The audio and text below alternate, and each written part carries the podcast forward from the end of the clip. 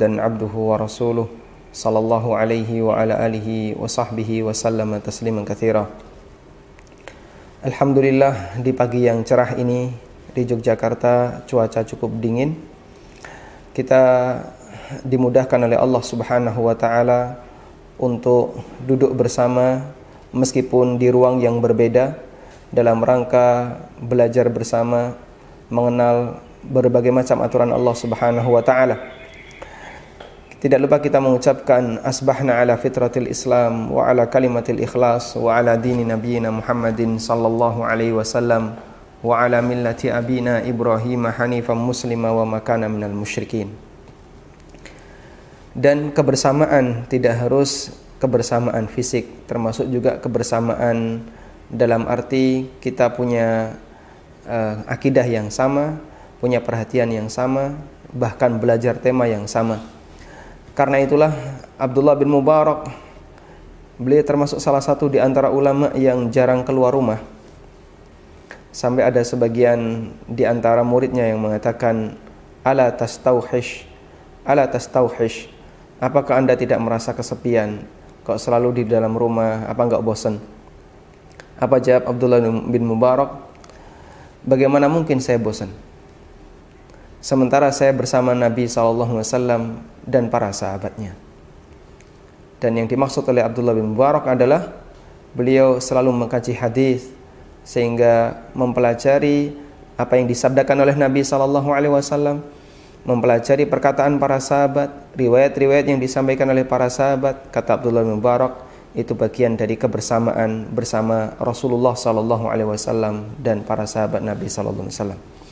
Sehingga sekalipun kita berada di ruang yang berbeda, berada di tempat yang berbeda, masing-masing live melalui atau di tempat tinggalnya sendiri-sendiri, namun hakikatnya kita sedang melakukan kebersamaan yaitu belajar bersama.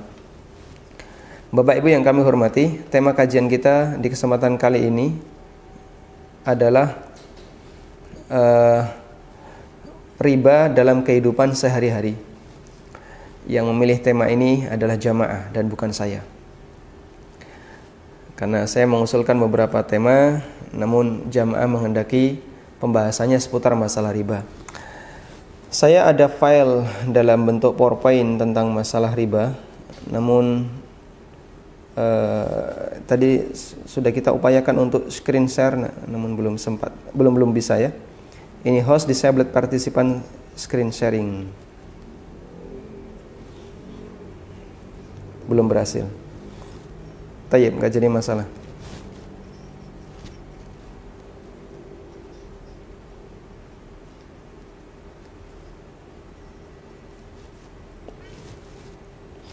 Dan sebelumnya kami minta kepada para peserta yang ikut di telekonferensi melalui Zoom agar ya, semua suara dimatikan dan video juga dimatikan ini masih ada beberapa yang masih nyala ya. Suaranya, suaranya tolong di mute. Mikrofonnya di mute agar kita bisa lebih fokus dalam belajar.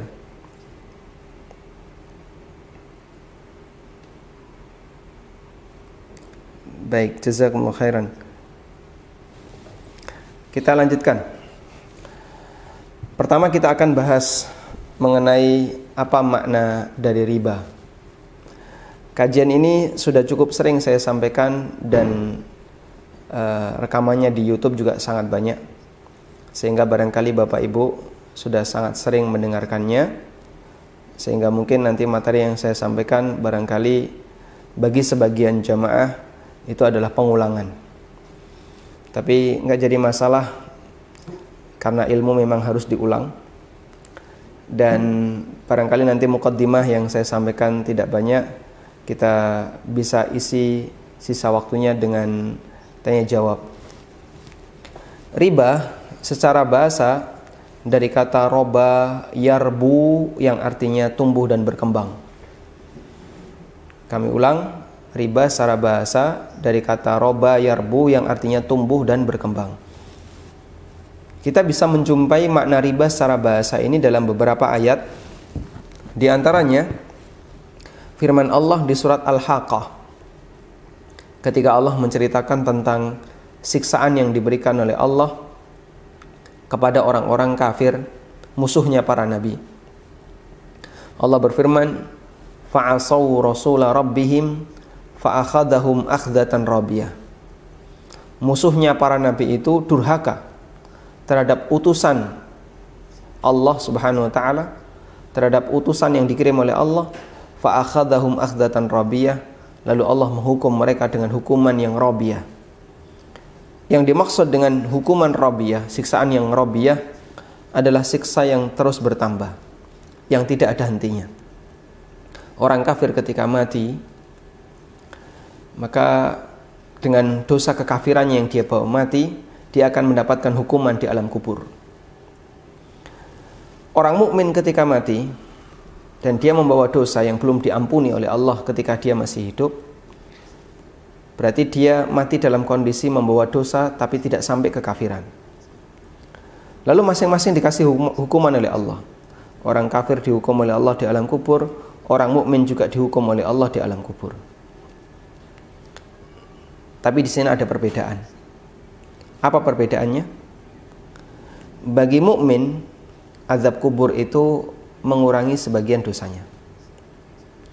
Sehingga ketika seorang mukmin mendapatkan siksaan di alam kubur, misalnya dia melakukan dosa sampai grade 10, lalu dia di, diadab di alam kubur, dosanya berkurang menjadi 5 atau berkurang menjadi 6, sesuai yang dikehendaki oleh Allah. Sisanya nanti akan dia jalani hukumannya di akhirat jika Allah tidak mengampuninya. Sehingga adab kubur bagi seorang mukmin itu menghapus sebagian dosanya. Bagaimana dengan orang kafir? Adab kubur bagi orang kafir sepeser pun tidak mengurangi dosanya. Sehingga ketika di alam kubur dia dihukum oleh Allah dengan berbagai macam hukuman sesuai yang dikehendaki oleh Allah. Dan itu tidak menyelesaikan dosanya karena nanti di akhirat akan ada hukuman yang jauh lebih berat. Itulah yang dimaksud fa'akhadhahum akhdatan rabiyah. Allah kasih hukuman kepada mereka dengan hukuman rabiyah, hukuman yang tidak ada ujungnya. Hukuman yang terus bertambah. Dan makna rabiyah di situ adalah sesuatu yang terus bertambah. Kemudian istilah robiyah atau kata robiyah secara bahasa juga bisa kita jumpai dalam firman Allah di surat Al-Hajj ayat yang kelima ketika Allah menceritakan tentang kondisi bumi. Fa'idha anzalna 'alaiha al-ma'a ihtazzat wa rabat wa ambatat. Apabila aku turunkan air di atas permukaan bumi, ihtazzat bumi itu bergetar. Warabat dan tumbuh. Diperhatikan, di sini ada kata wa rabat. Rabat di situ artinya adalah tumbuh.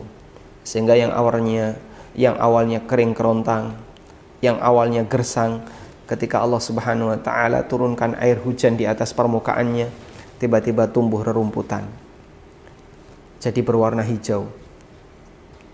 Di situ Allah Subhanahu wa taala menggunakan kata warabat dan bumi itu tumbuh. Ini makna riba secara bahasa. Kemudian makna riba secara istilah para ulama memberikan penjelasan bahwa riba secara istilah itu memiliki dua makna. Riba secara istilah dalam makna yang luas dan riba secara istilah dalam makna yang sempit. Riba secara istilah dalam arti yang luas maknanya adalah semua penghasilan yang haram dalam Islam. Semua pendapatan dan penghasilan yang dilarang dalam agama dan kita bisa jumpai riba dalam arti yang luas ini yang mencakup semua penghasilan dan pendapatan yang haram di beberapa pernyataan para sahabat. Di antaranya keterangan Ibnu Abi Aufa radhiyallahu anhu, beliau pernah mengatakan, "An-najishu akulur riba khain." Orang yang melakukan transaksi najas hakikatnya dia pemakan riba pengkhianat. Padahal dalam transaksi najas itu belum tentu ada utang piutang. Dia tidak ada kaitannya dengan masalah tukar menukar uang, tidak ada kaitannya dengan akad utang piutang. Tapi oleh Ibnu Abi Aufa, pelaku transaksi najas itu pemakan riba pengkhianat. Kenapa disebut sebagai pengkhianat? Disebut sebagai pemakan riba. Karena dalam transaksi najash ada orang yang mendapatkan keuntungan namun dengan cara yang dilarang. Karena ada unsur penipuan. Dan itu disebut oleh Ibnu Abi Aufa sebagai pemakan riba. Dalam arti riba secara luas.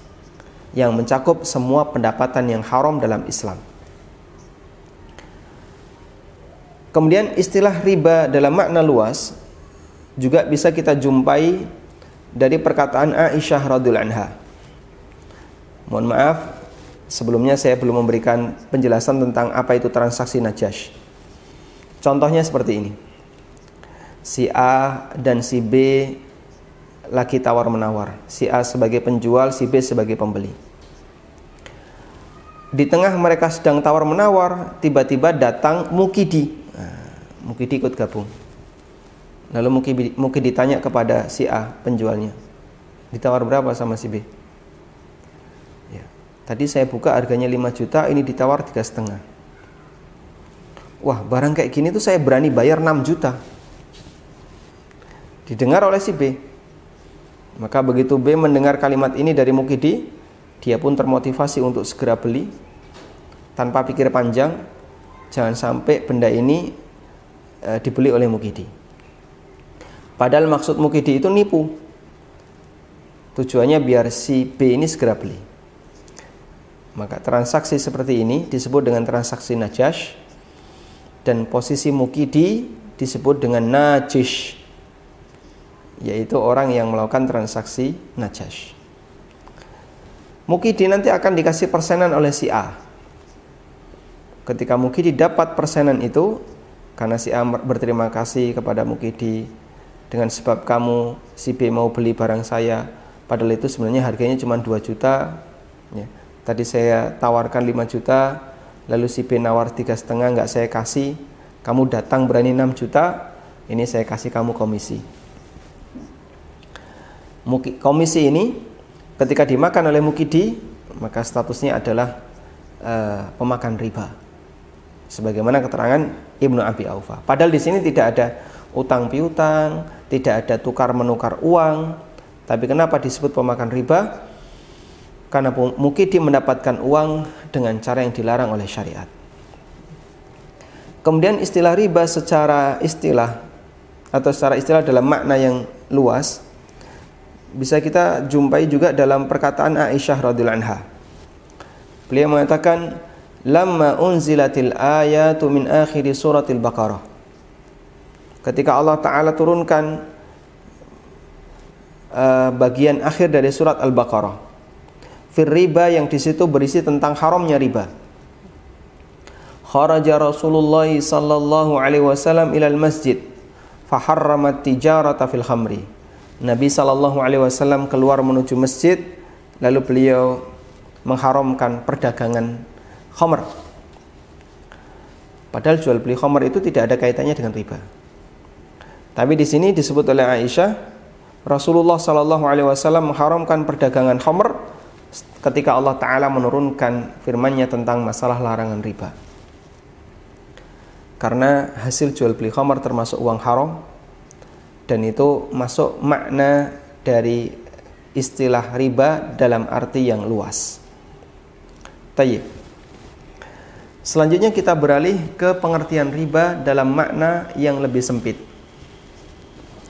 Riba dalam makna yang lebih sempit pengertiannya adalah az-ziyada makhsusah li ahadil akidain bila iwaq.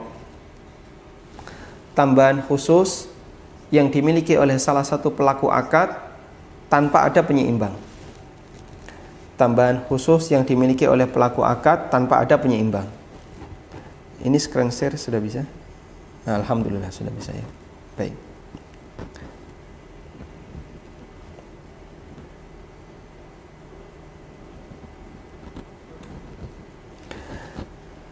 Saya tampilkan di screen share.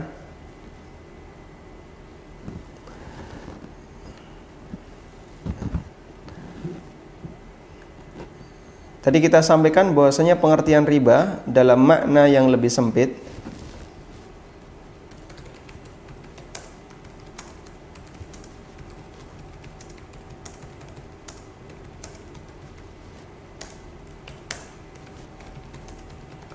yang dimiliki pelaku akad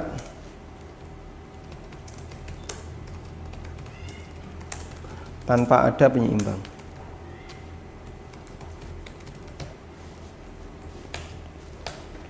Sebagai contoh, misalnya begini. Ada orang yang utang satu juta, kemudian dia dikasih tempo selama satu bulan. Lalu saat pelunasan dia membayar senilai satu juta plus seratus ribu. Bapak Ibu bisa lihat apa penyim, apa e, penyeimbang dari 100 ribu ini? Nggak ada, kosong. Di sini saya tulis titik-titik. Penyeimbang dari 100 ribu ini nggak ada. Tambahan inilah statusnya riba. Coba bedakan dengan yang kedua. Ada orang yang melakukan usaha modal 1 juta. Lalu dia lakukan usaha dari hasil usaha itu dia mendapatkan keuntungan modal balik 1 juta dan mendapatkan keuntungan 500 ribu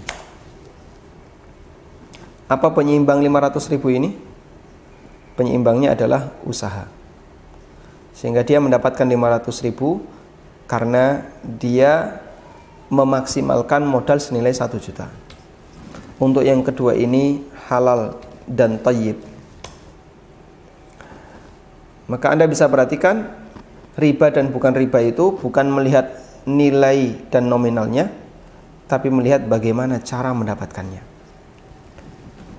Bisa jadi ada yang nilainya kecil cuma 100 ribu tapi statusnya riba. Sebaliknya ada yang nilainya besar namun didapatkan dengan cara yang halal sehingga statusnya halalan thayyibah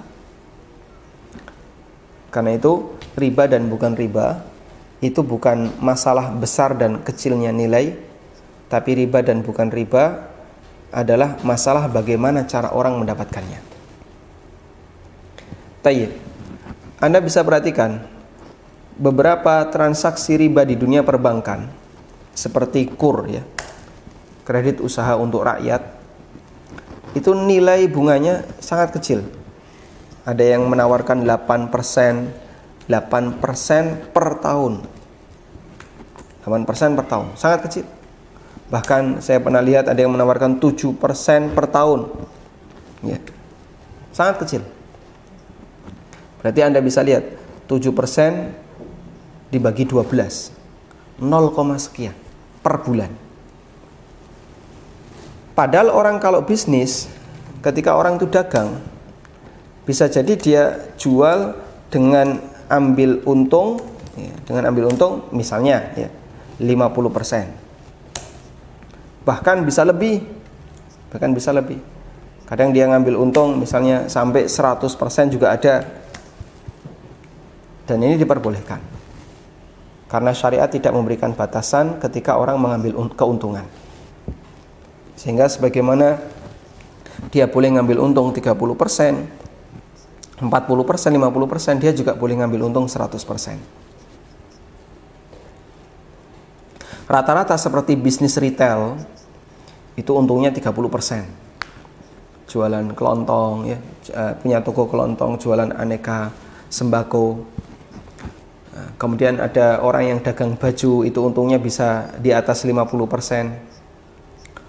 Dan seperti ini diperbolehkan.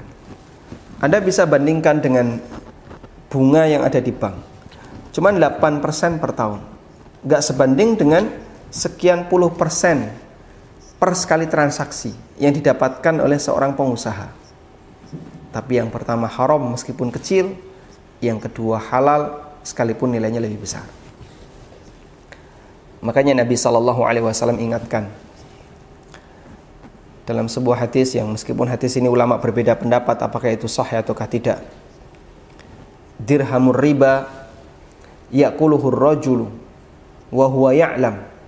Satu dirham riba yang dimakan oleh seseorang dan dia tahu kalau itu riba dia lebih buruk dibandingkan 73 atau dia lebih buruk dibandingkan 36 berzina. Ya. asyaddu min sittin wa zaniya lebih buruk dibandingkan 36 36 kegiatan zina Ini bukan memberikan alternatif maksiat, namun Nabi Shallallahu Alaihi Wasallam membandingkan dari sisi kualitas dosanya. Ada orang yang e, melakukan satu perbuatan dosa A dan orang melakukan perbuatan dosa B, di mana dosa B ini lebih besar dibandingkan dosa A. Beliau kasih perbandingan antara dosa riba dengan dosa zina seperti itu. Yang ini menunjukkan bahasanya uh, sepeser riba yang dimakan oleh seseorang padahal dia tahu kalau itu riba hukumnya dosa besar. Tayyib. Selanjutnya kita akan melihat beberapa contoh riba. Pertama adalah riba yang terjadi di zaman jahiliyah. Riba jahiliyah.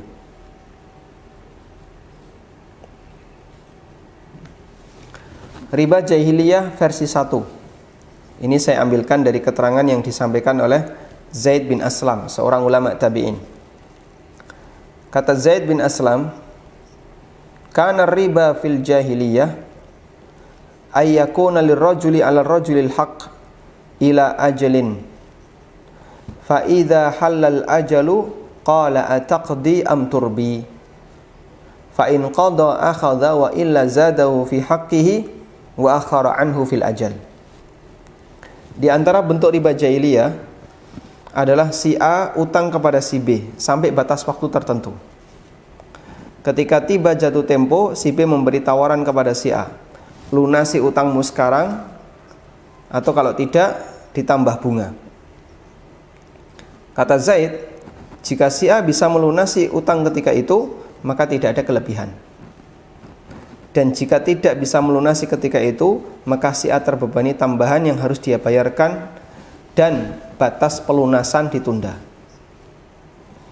Ini riba jahiliyah menurut keterangan Zaid bin Aslam.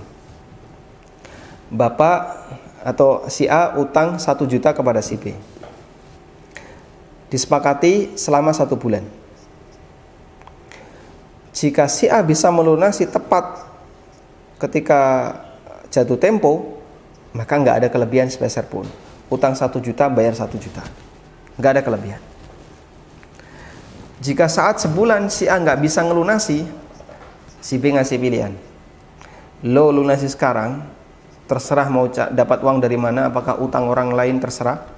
Yang penting lo lunasi sekarang. Atau kalau tidak boleh dilunasi bulan depan tapi nilainya jadi satu setengah juta sehingga bunganya muncul ketika kapan? Bunganya itu baru muncul setelah jatuh temponya selesai. Dan orang yang utang tidak bisa bayar. Baik, artinya apa, Pak?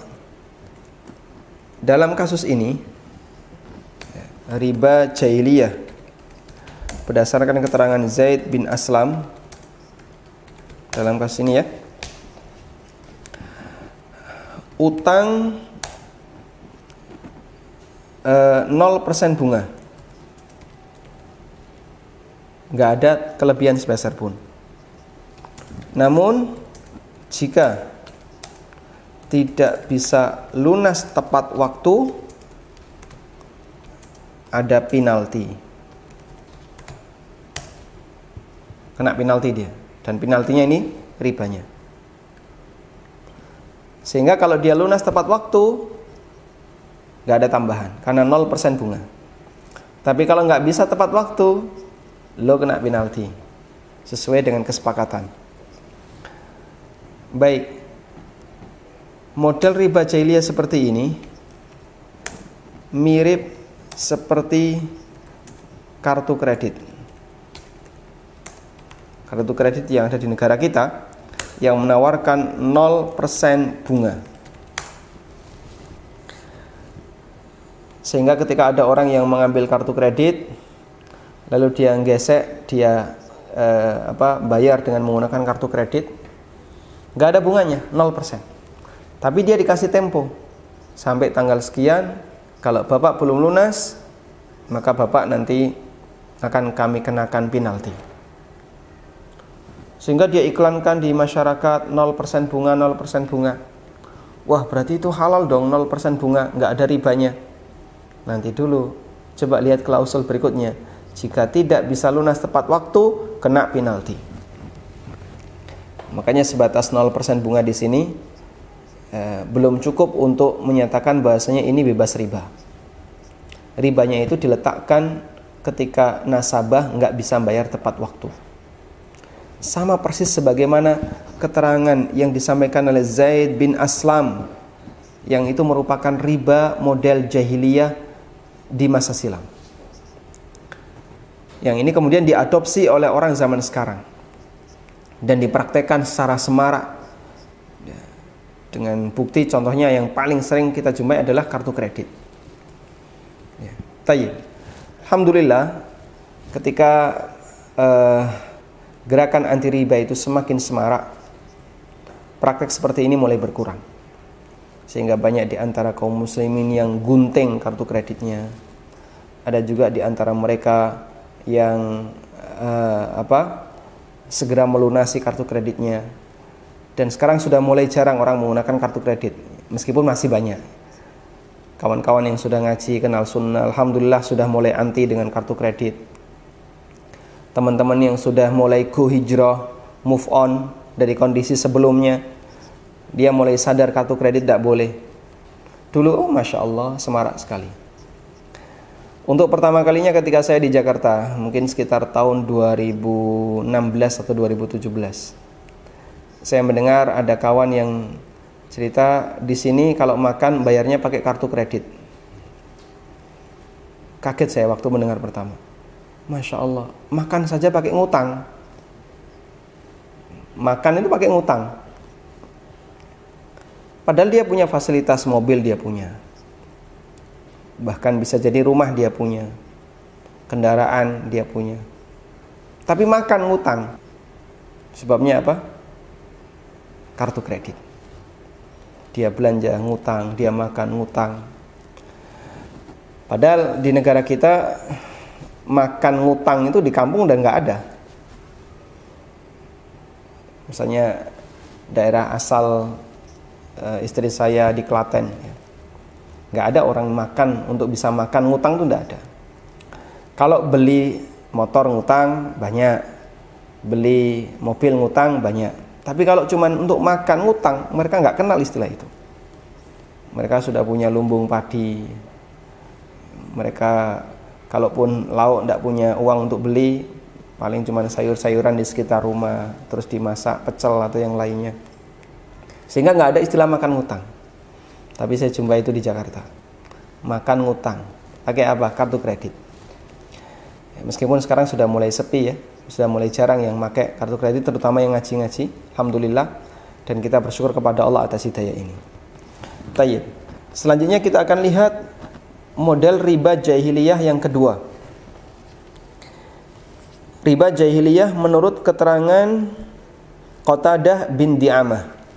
Beliau ini muridnya Anas bin Malik.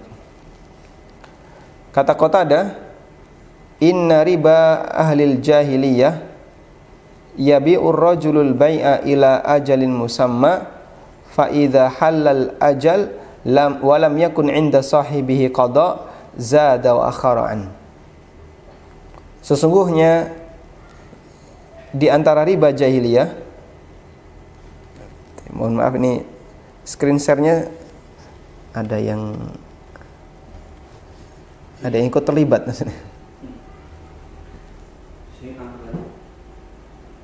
Alhamdulillah bersih tadi. Baik. Kita lanjutkan. Kata Qatadah binti Amah, sesungguhnya di antara bentuk riba al jahiliyah, si A menjual barang kepada si B secara kredit sampai batas waktu tertentu. Faida halal ajalu walam yakun inda sahibihi qada zada wa akharan. Apabila jatuh temponya sudah tiba, sementara si B tidak bisa melunasi, maka harga barang dinaikkan dan waktu pelunasannya ditunda. Sehingga riba jahiliyah jenis yang kedua ini adalah riba jahiliyah dalam jual beli kredit. Riba jahiliyah menurut keterangan Kotada ini uh, dipraktekkan dalam transaksi kredit. Baik. Dalam jual beli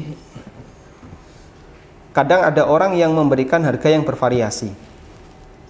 Misalnya begini. Variasi harga.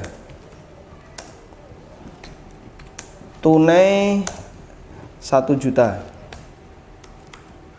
Kredit misalnya eh, kalau tunai 1 juta, kredit satu setengah juta. Boleh atau tidak kayak gini? Di mana harga kredit lebih mahal dibandingkan harga tunai. Harga kredit lebih mahal dibandingkan harga tunai. Jawabannya, jika dalam tahap penawaran hukumnya boleh. Dan ini pendapat jamahir ulama. Pendapat hampir semua ulama ada jumhur, ada jamahir. Ini pendapat jamahir ulama hampir semua ulama. Mereka mengatakan boleh harga kredit lebih mahal dibandingkan harga tunai. Dan ini nggak masuk riba hadirin. Ini nggak masuk riba jamaah. Sehingga ketika harga kreditnya misalnya satu setengah juta, harga tunainya satu juta hukumnya diperbolehkan. Tayyib. Namun ketika akad wajib memilih salah satu harga.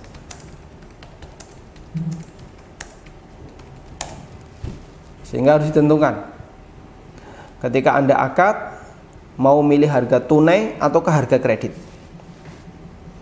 Kalau dia harga tunai berarti bayar satu juta. Kalau harga kredit berarti bayarnya satu setengah juta. Baik. Kemudian catatan yang ketiga, jika konsumen memilih harga kredit, berarti dia cuma satu harga, maka harga tidak boleh naik ketika eh, konsumen tidak bisa melunasi tepat waktu. sehingga misalnya uh, nilai barang satu juta kredit selama satu bulan sampai akhir bulan konsumen nggak bisa bayar.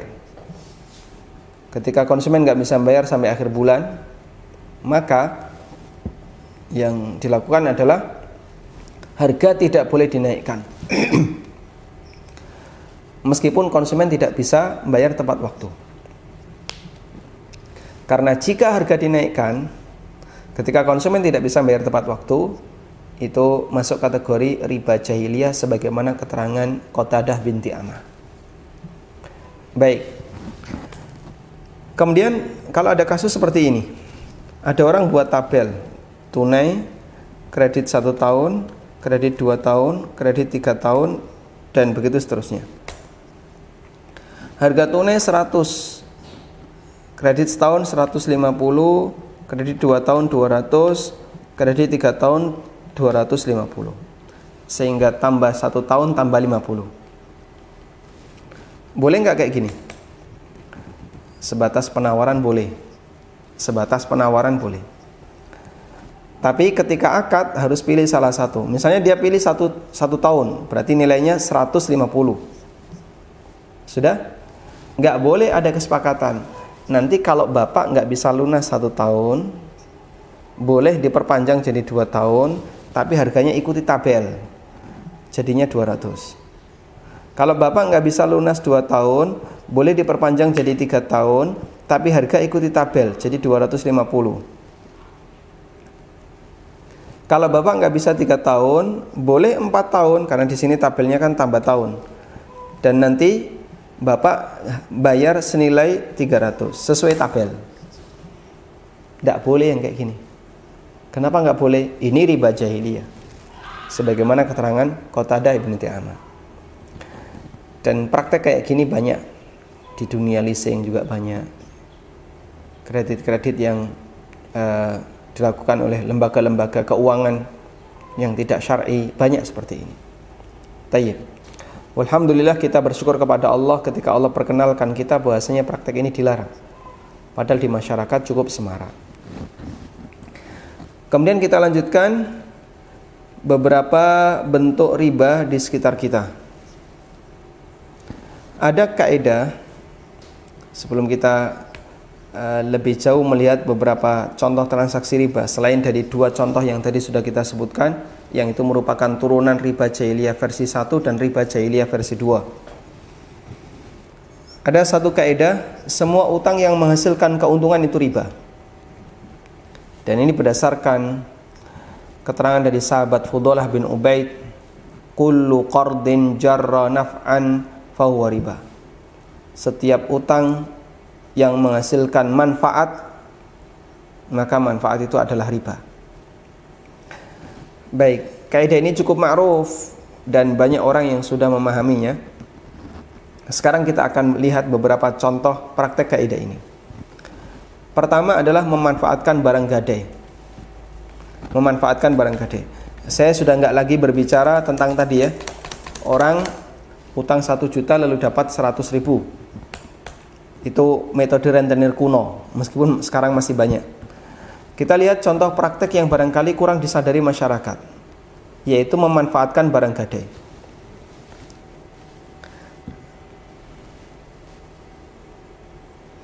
baik kita lihat eh, contoh penerapan mendapatkan keuntungan dari transaksi utang piutang yaitu memanfaatkan barang gadai.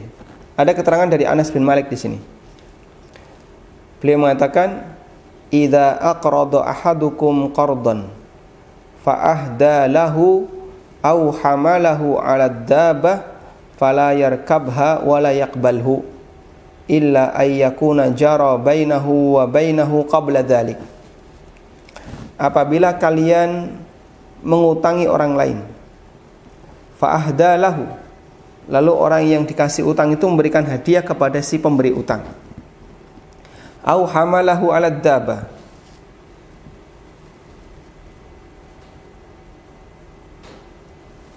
Au hamalahu ala daba atau dikasih tumpangan gratis.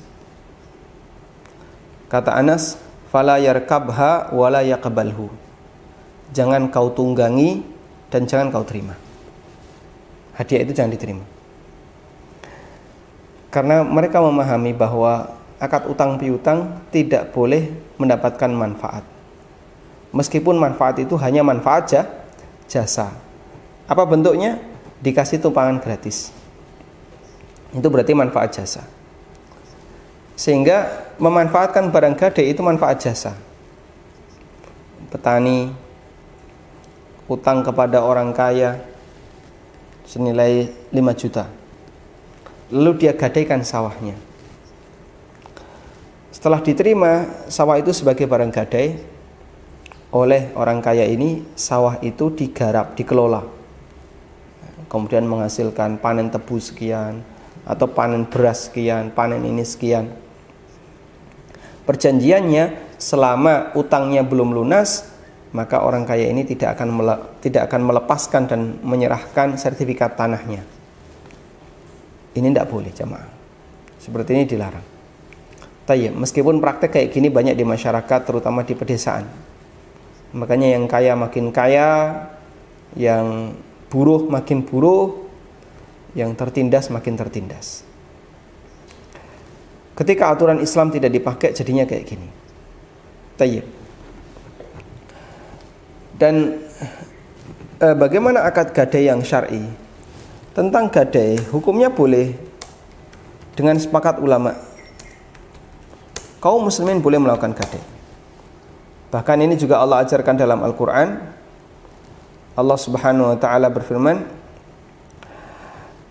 wa in kuntum fi safarin walam tajidu katiban farihanum maqbudah kalau kamu dalam perjalanan dan kamu tidak menjumpai tukang catat utang farihanu makbudoh maka serahkan rihan serahkan barang gadai makbudotan makbudotun yang diterima oleh pemberi utang. Baik. Sehingga ini menunjukkan bahwa memberikan barang gadai ketika akad utang piutang diperbolehkan dan bahkan Allah singgung dalam Al-Qur'an. Nabi Shallallahu alaihi wasallam sendiri pernah melakukannya. Ketika beliau beli gandum dari orang Yahudi. Lalu beliau tidak punya uang untuk membayarnya. Maka Nabi Shallallahu alaihi wasallam gadaikan baju besinya kepada itu Yahudi. Dan sampai beliau wafat beliau belum sanggup untuk melunasinya. Yang melunasinya siapa? Abu Bakar As-Siddiq radhiyallahu Ketika Abu Bakar jadi khalifah, menebus baju besi Nabi Shallallahu Alaihi Wasallam. Dan ini bagian dari kesederhanaan Rasulullah Shallallahu Alaihi Wasallam. Beliau Shallallahu Alaihi Wasallam ketika meninggal dunia, baju besi yang beliau gadaikan kepada si Yahudi belum sempat dibayar belum sempat ditebus. Baru bisa ditebus di zaman Abu Bakar As-Siddiq radhiyallahu Nah, namun ada beberapa hal yang perlu diperhatikan. Yang pertama bahwa gade itu jaminan atas utang, bukan objek jual beli. Barang gade adalah jaminan atas utang dan bukan objek jual beli. Karena dia hanya jaminan atas utang dan bukan objek jual beli, konsekuensinya adalah tidak pindah hak milik. Sehingga barang gade itu milik siapa? Milik orang yang berutang. Bukan milik pemberi utang. Meskipun barang itu diserahkan dan diterima oleh pemberi utang sehingga si A utang kepada si B senilai 2 juta, si A menyerahkan HP-nya. Maka HP A berada di kekuasaan B. Tapi HP ini bukan milik B. Tetap milik A. Sehingga transaksi gadai itu tidak memindahkan hak milik. Kemudian eh, yang kedua,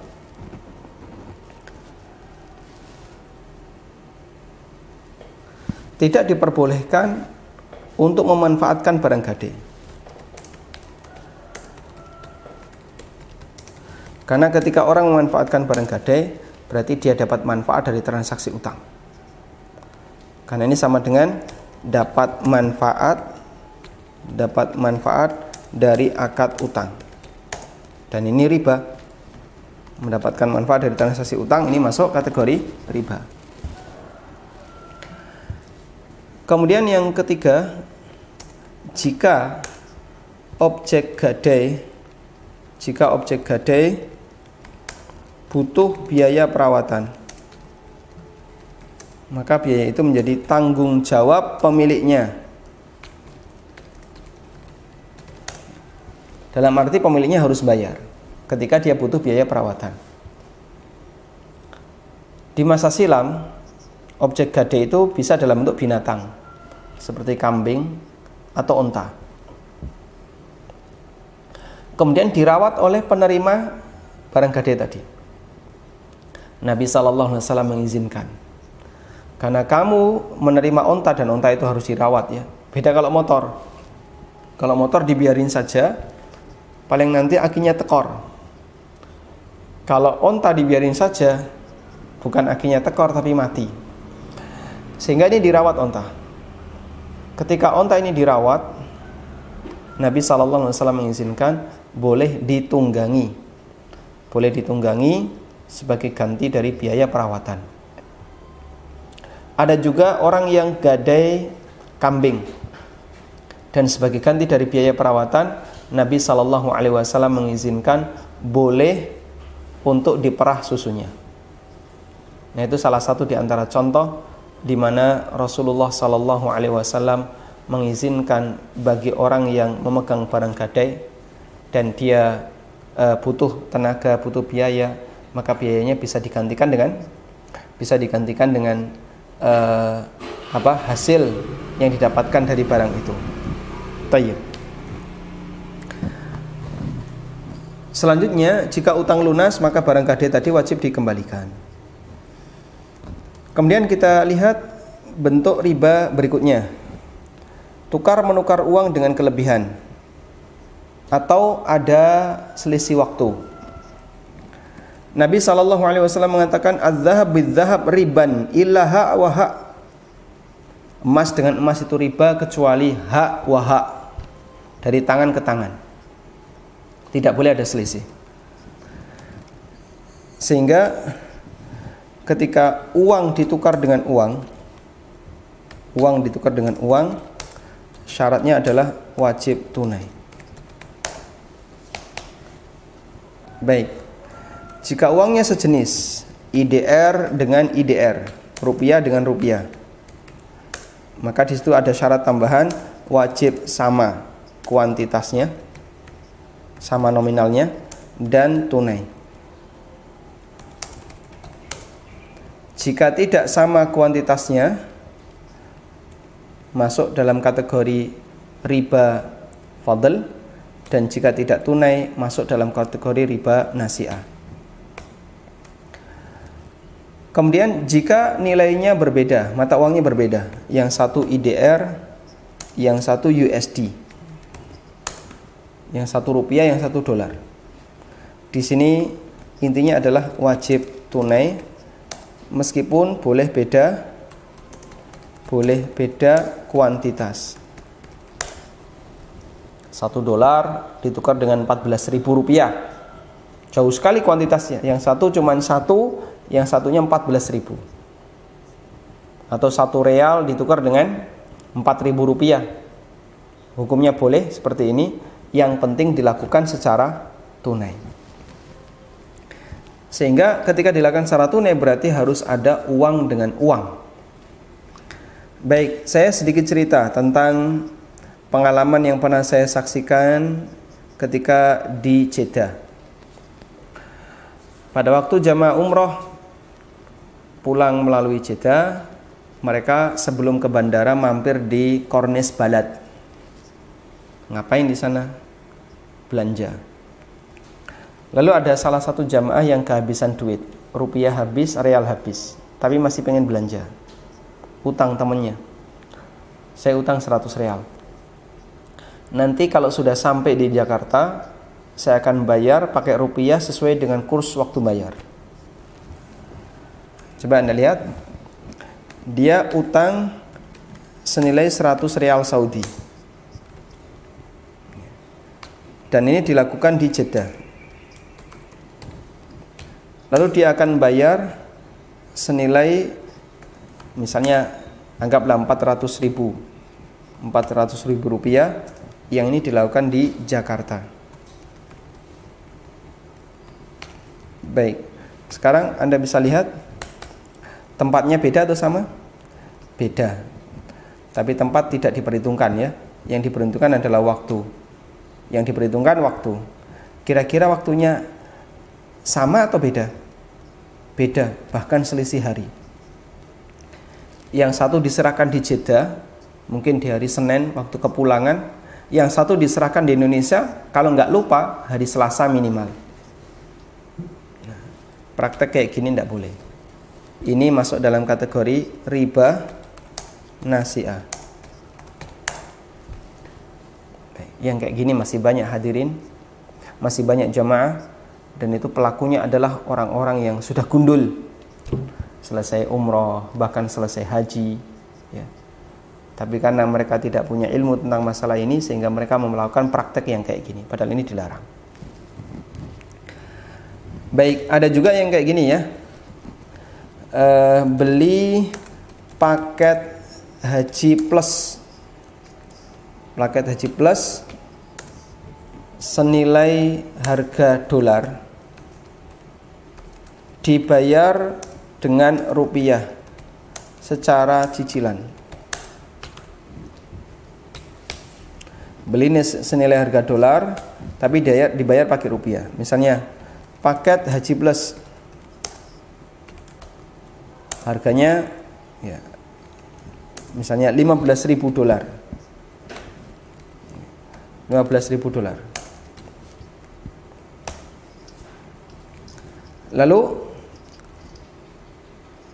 nilai ini 15.000 dolar ini dibayar dibayar rupiah. Karena kan tidak semua konsumennya punya dolar. Dibayar pakai rupiah. Tapi tidak tunai secara kredit cicilan. Waktu daftar mungkin DP 10%. Nanti bulan berikutnya bayar lagi store 20% dan begitu seterusnya. Sebulan sebelum berangkat lunas. Sebelum sebelum berangkat lunas. Baik, boleh nggak kayak gini? Ini pernah terjadi di zaman Ibnu Umar radhiyallahu anhu atau ketika uh, Ibnu Umar melakukan dagang onta. Beliau jualan onta. Lalu ada orang yang beli onta Ibnu Umar dengan harga dinar. Anggap misalnya 10 dinar. Dia beli onta itu, orang ini beli onta itu dari Ibnu Umar seharga 10 dinar. Bandrolnya 10 dinar. Deal 10 dinar. Ketika orang itu bayar, dia membayarnya pakai dirham. Dia membayarnya pakai dirham. Akhirnya ini ditanyakan kepada Nabi Wasallam. Ya, ya Rasulullah, saya jual onta dengan harga dinar tapi dibayar pakai dirham. Apa jawab Nabi Sallallahu Alaihi Wasallam? La ba'sa an tabi'a bi si'ri yaumiha ma lam yakun bainaka wa bainahu syai'. Gak masalah dibayar pakai mata uang yang lain namun dengan syarat sudah nggak ada lagi yang tersisa antara kamu dengan dia.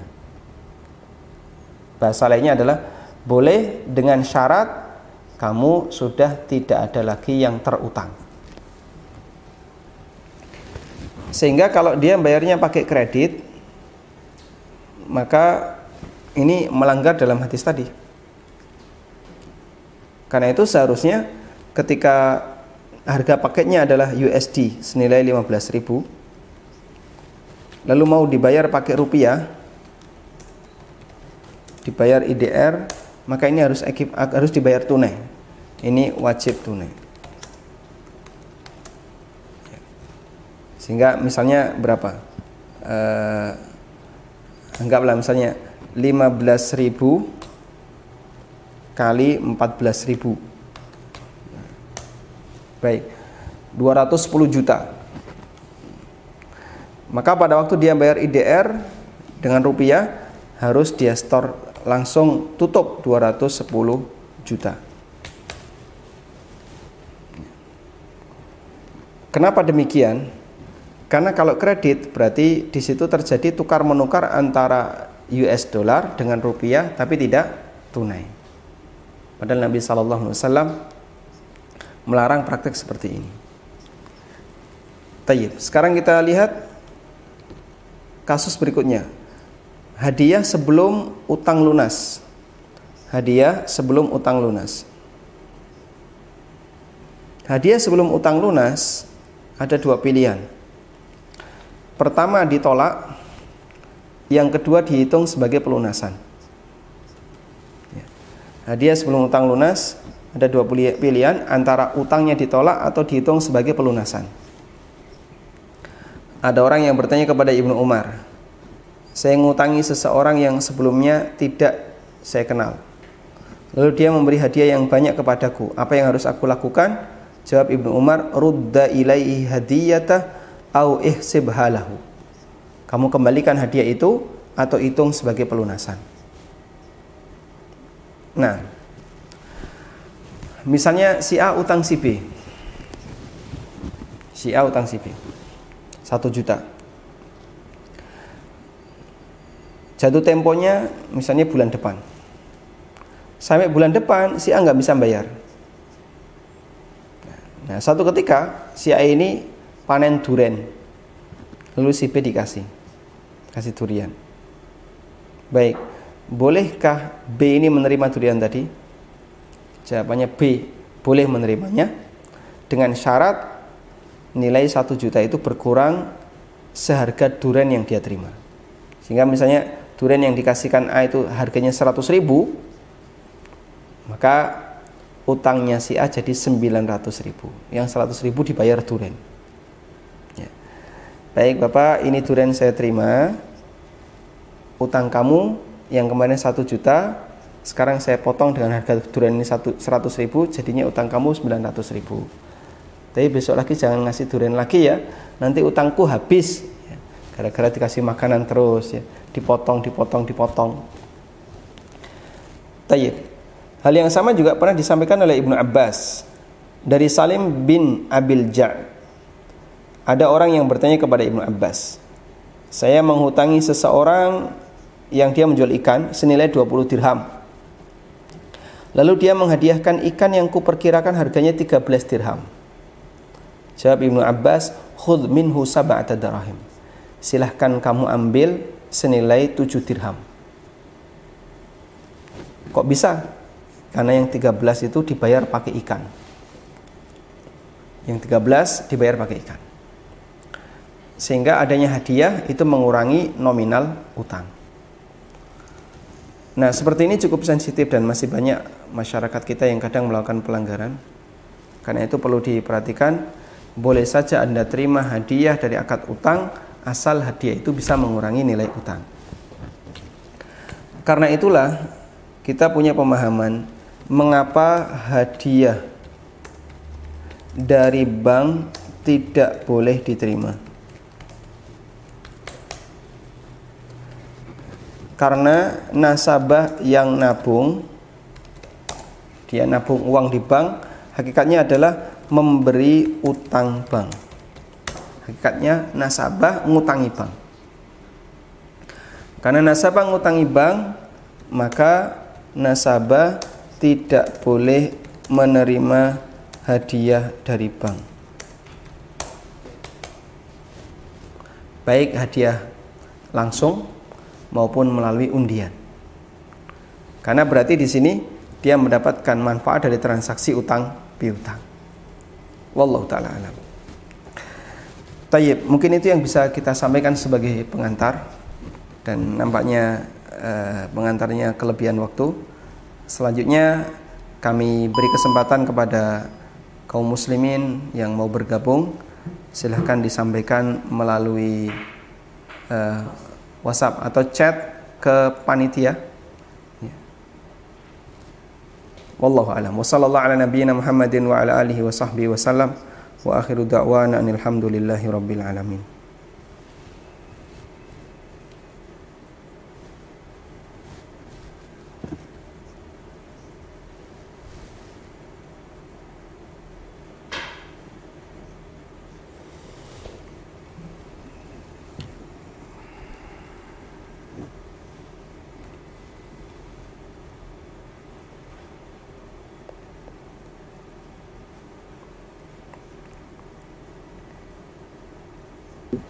Menyampaikan lewat chat.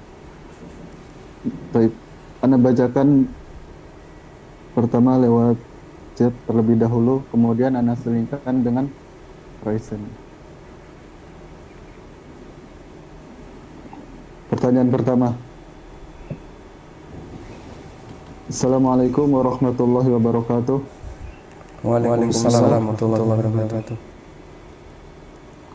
Semoga Ustaz dan keluarga juga panitia selalu dalam lindungan Allah. Amin. Amin. Saya mau tanya, pertama, tadi Ustaz mengatakan di alam kubur sebagian dosa umat muslim yang puni. Dosa apa saja yang dapat dihapuskan di alam kubur? Kemudian yang kedua, saya baru resign dari perusahaan riba dan dapat uang pesangon apakah uang pesangon itu juga haram? Jazakumullahu khairan Ustaz.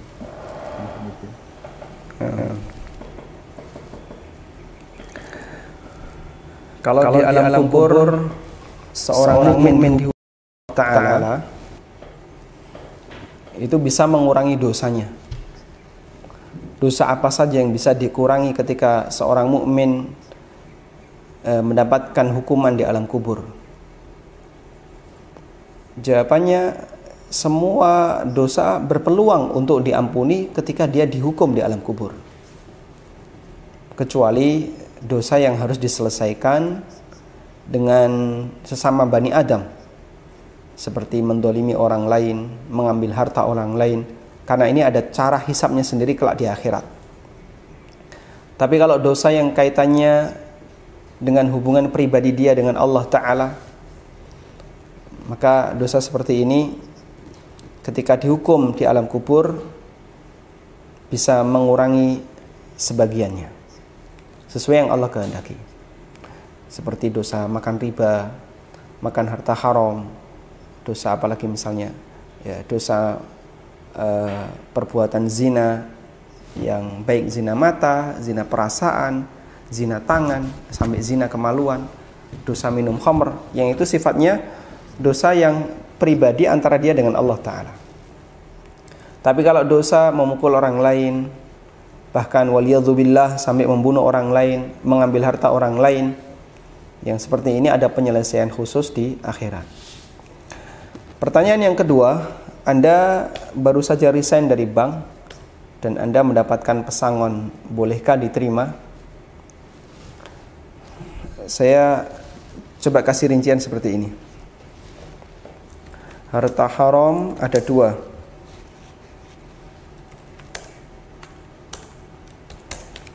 Pertama, harta haram yang didapatkan didapatkan saling ridho. Yang kedua, harta haram yang didapatkan dengan cara zalim.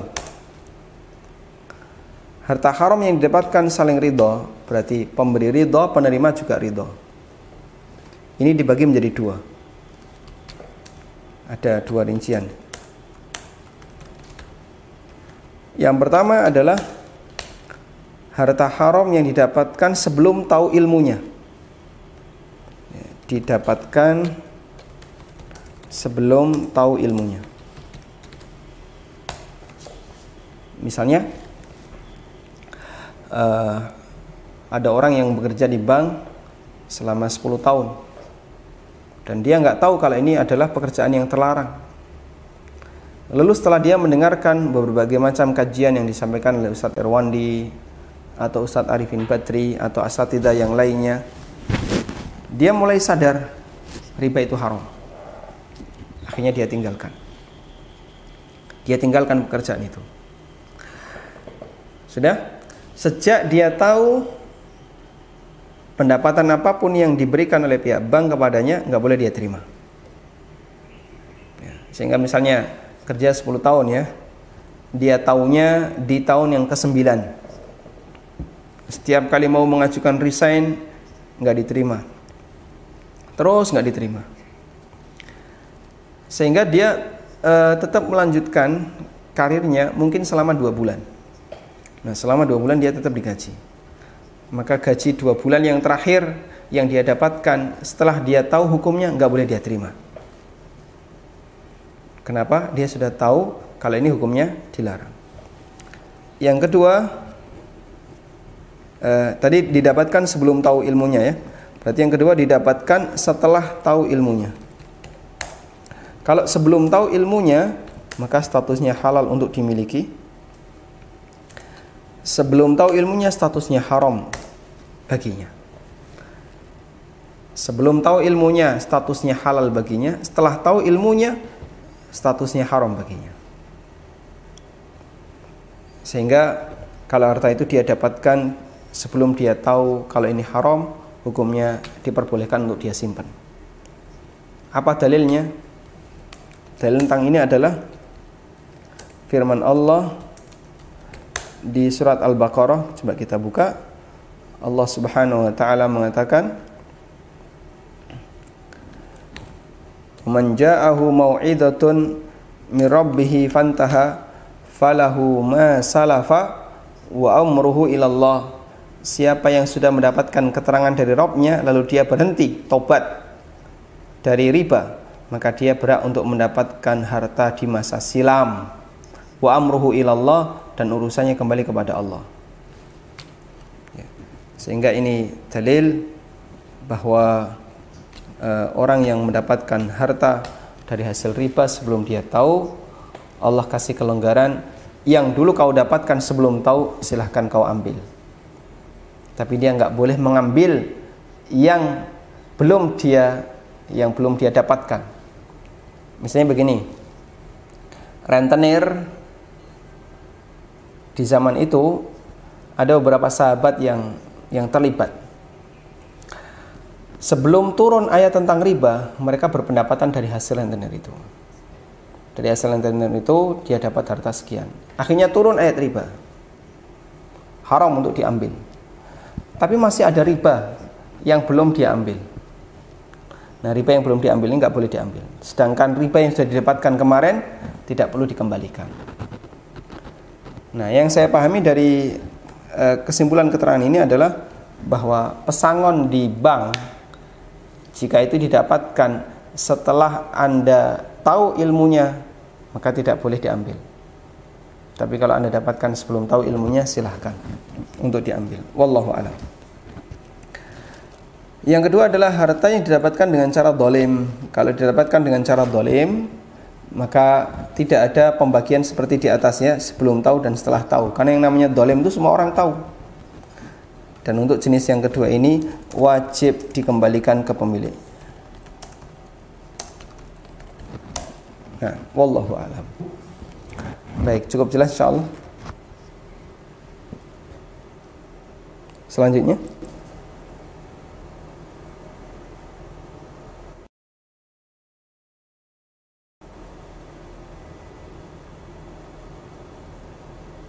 Assalamualaikum Ustaz. Waalaikumsalam warahmatullahi uh, Ada pertanyaan dari Dokter Habli.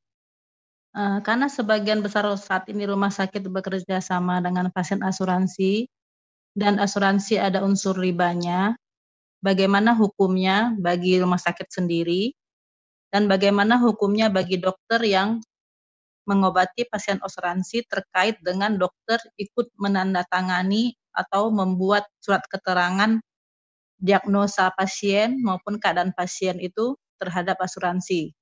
Jadi tidak mungkin asuransi bisa membayar kepada rumah sakit apabila dokter tidak mengisi formulir keterangan penyakitnya dan diagnosanya dan obat-obatannya.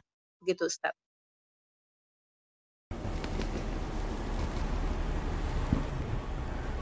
Skema yang saya pahami seperti ini ya.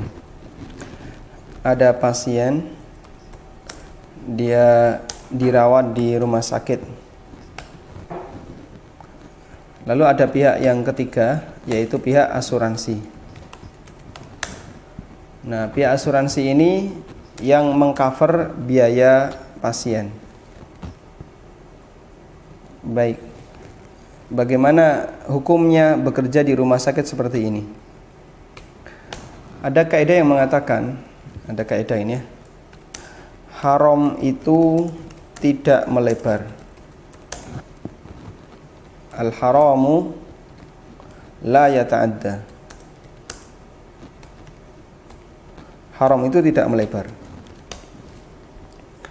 Dalam arti ketika orang bertransaksi maka kepentingan dia adalah antara dia dengan kliennya. Sehingga kalau ada pihak ketiga, ada pihak yang, yang lain, kalau dia nggak berkepentingan dengan pihak itu, maka dia tidak bertanggung jawab dengan pihak yang lain. Sehingga ketika dokter dia hanya berurusan dengan pasien. Dia mengobati pasien atau dia e, membuat diagnosa penyakit pasien dan seterusnya. Berarti di sini terjadi akad jual beli jasa antara dokter dengan pasien. Akad jasa antara dokter dengan pasien. Nah, setelah dokter berhasil memberikan jasanya, berarti di sini dokter berhak dok, dokter berhak dapat upah. Dokter berhak dapat bayaran. Lalu oleh pasien bayarnya itu dia mintakan ke asuransi. Asuransi bayarkan. Karena saya sudah bayar ke kamu premi sekian.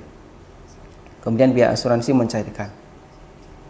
Tayyib ketika ini terjadi apakah dokter kena dosanya? Setahu saya wallahu taala alam dokter tidak ikut campur antara akad pasien dengan pihak asuransi. Kepentingan dokter adalah e, mengobati ini pasien, membuat, membuat diagnosa penyakit dan aneka yang dibutuhkan tadi. Setelah itu dia berhadapan bayaran. Nah, masalah bagaimana pasien bayar itu terserah pasien. Apakah dia utang ke asuransi, dia utang ke bank dan seterusnya itu e, bukan tanggung jawab dokter. Wallahu alam. Sehingga yang saya pahami di sini dokter berhak untuk mendapatkan bayaran dari rumah sakit tempat dia bekerja terlepas sumber dananya rumah sakit itu dari pembayaran asuransi atau yang lainnya dokter tidak bertanggung jawab di sana. Tapi kalau haram itu melebar, kita jadinya kena haram semuanya. Anda beli HP misalnya. Ini HP saya beli di counter A. Kamu tahu nggak counter A itu tadi utang bank. Makanya dia bisa kayak gitu. Wah, dia beli etalase, dia sewa-sewa ini masya Allah megah sekali. Itu utang bank semua itu. Kamu kalau beli dari counter A itu pakai duit bank, haram, haram juga ini. Waduh, akhirnya uh, akan sangat panjang, haram semuanya jadinya. Karena itu para ulama buat kaidah kalau kayak gini orang nggak bisa bertransaksi, maka haram itu tidak melebar. Yahudi mereka melakukan transaksi yang haram antar sama Yahudi baik transaksi sogok baik apa misalnya dapat duit dari hasil jual beli homer dari hasil jual beli anjing dan seterusnya. Sehingga bisa jadi mereka dapat harta dari sesuatu yang haram. Kaum muslimin ketika belanja di Yahudi ketika bermuamalah dengan Yahudi mereka nggak pernah tanya kamu dapat duit dari mana? Kamu dapat harta ini dari mana? Ngaku dulu kalau enggak tak dor nanti. Nggak ada kayak gitu sehingga mereka ketika transaksi ya nggak pakai tanya-tanya langsung transaksi. Selama akad saya dengan Yahudi itu akad yang mubah selesai. Urusan Yahudi dapat duit dari mana? Itu urusan pribadi dia. Wallahu alam. Nah. Ustadz pertanyaan selanjutnya. Apakah itu tidak termasuk dalam kaidah pertolong-tolongan dalam kemaksiatan dan kezoliman?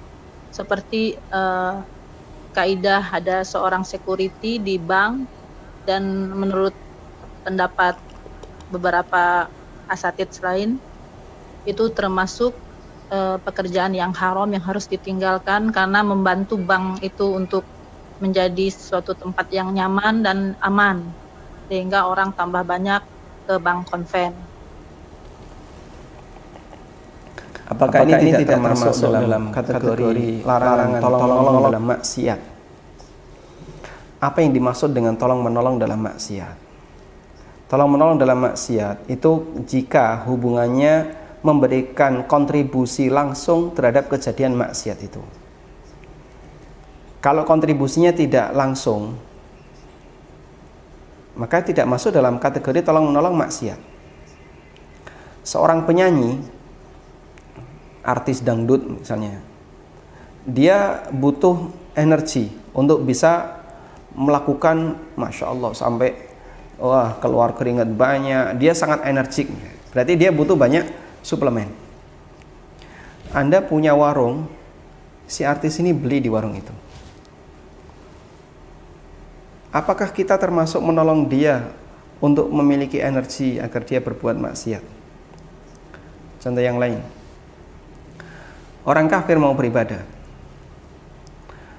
Namanya manusia butuh hidup. Dia butuh apa misalnya perlengkapan. Dia beli motor di tempat kita. Bisa dipastikan motornya akan dipakai oleh dia untuk ke tempat ibadah. Boleh nggak transaksi motor dengan orang kafir ini? Padahal motor itu nanti akan dipakai untuk ke tempat ibadah.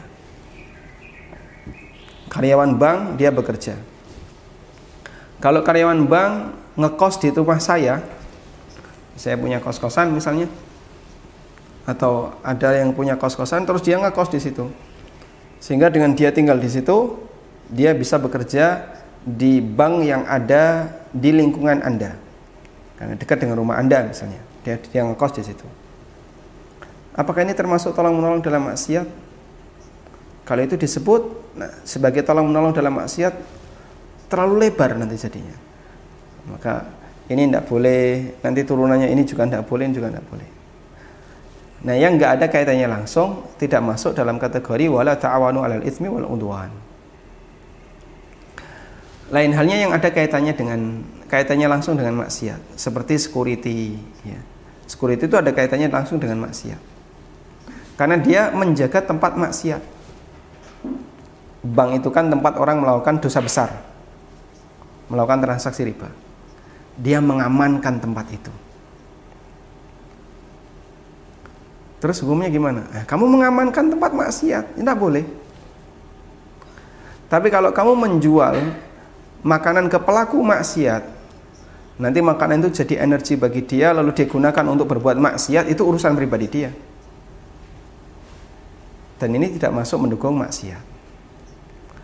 Dokter diikat dengan kode etik bahwa dia tidak boleh menolak pasien karena alasan rasis, misalnya. Termasuk karena alasan apa misalnya? Oh bayarnya pakai uh, uang riba. Kode etik itu kan ada ya. Sehingga ketika uh, dia melayani pasien ternyata bayarnya pakai asuransi terus dokter menolak. Wah ini pelanggaran kode etik. Kalau pasien ini mati bapak minta tanggung jawab misalnya ya. Ada orang kecelakaan. Terus dia dibawa ke rumah sakit. Sebelum ditangani dokter tanya dulu kepada pasien bapak nanti bayarnya pakai apa? Uang pribadi atau asuransi? Asuransi pak dokter. Sudah saya nggak mau nangani. Seluruh dokter di sini muslim muslimah nggak mau menangani pindah ke rumah sakit sebelah di perjalanan mati. Ini kesalahan. Baik secara hukum negara maupun secara syariah. Orang ini minta untuk ditolong dan dia mampu untuk menolong maka harus nolong. Jangan dibiarkan. Nabi sallallahu alaihi wasallam bersabda al muslimu akhul muslim la yadhlimuhu wa la yakhdhuluh muslim itu saudara muslim yang lain. Enggak boleh mendolimi saudaranya dan tidak boleh membiarkan saudaranya dalam kondisi terdolimi atau dalam kondisi mendapatkan musibah butuh pertolongan dia biarkan saja enggak boleh nah, sehingga di kondisi ini transaksi dia hanyalah dengan pasien. Nah, masalah pasien mau bayar pakai asuransi mau apa itu terserah pasien. Anda mengobati pasien tidak mengobati pasien itu tidak menyebabkan hilangnya transaksi dengan pihak asuransi. Wallahu alam.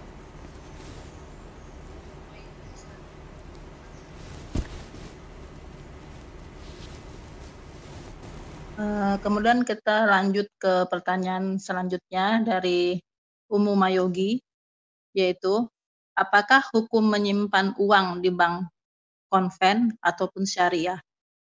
Lalu bunga dan bonus yang didapat dikeluarkan untuk kemaslahatan umum. Yang berikutnya berkait masih berkaitan, apa hukum membuka rekening simpanan di bank tanpa bunga dan bonus, tapi pihak bank tanpa sepengetahuan kita tetap dapat meminjam pakai uang tabungan kita itu untuk kepentingan bank. Lalu kita mendapat bermacam manfaat dari bank berupa transfer tanpa biaya dan lain sebagainya. Apakah itu artinya akadnya sudah berubah menjadi akad kord dan riba? Lalu apa bedanya dengan menyimpan uang di uang deposit di GoPay yang yang tujuannya hanya untuk membeli jasa Gojek, Gojek di depan dengan uh, skenario atau skema seperti menyimpan uang di bank konven atau syariah tadi. Di mana walaupun tanpa bunga, uang simpanan kita di bank juga dapat dipinjam pakai oleh bank dan kita tetap mendapat fasilitas-fasilitas yang menguntungkan. Demikian Ustaz. Baik, baik. Untuk, Untuk yang, yang pertama, menyimpan uang di bank konven lalu dapat bunga. Bunganya dipakai untuk fasum. E, bagian ini menyimpan uang di bank dapat bunga ini sebenarnya dilarang dari awal. Kecuali jika sangat anda butuhkan. Saya kalau nggak pakai bank ini saya akan kesulitan untuk bertransaksi. Nah, kalau sampai tingkatan seperti ini silahkan tapi sekiranya Anda masih bisa bertransaksi tanpa bank konven ini, maka segera Anda tutup dan Anda alihkan ke bank uh, ke bank apa yang lebih baik. Kemudian ketika Anda butuh sehingga Anda harus pakai bank ini. Kalau tidak saya kesulitan untuk bertransaksi. Ini masih diizinkan oleh sebagian ulama dan bunganya silahkan disalurkan untuk fasum. Bunganya silahkan disalurkan untuk fasum. Baik. Sehingga dari penjelasan saya, saya ingin membuat kesimpulan. Tidak boleh secara sengaja, secara sengaja menyimpan uang di bank ribawi menyimpan uang di bank ribawi meskipun meskipun dia punya niat tidak akan memanfaatkan bunganya.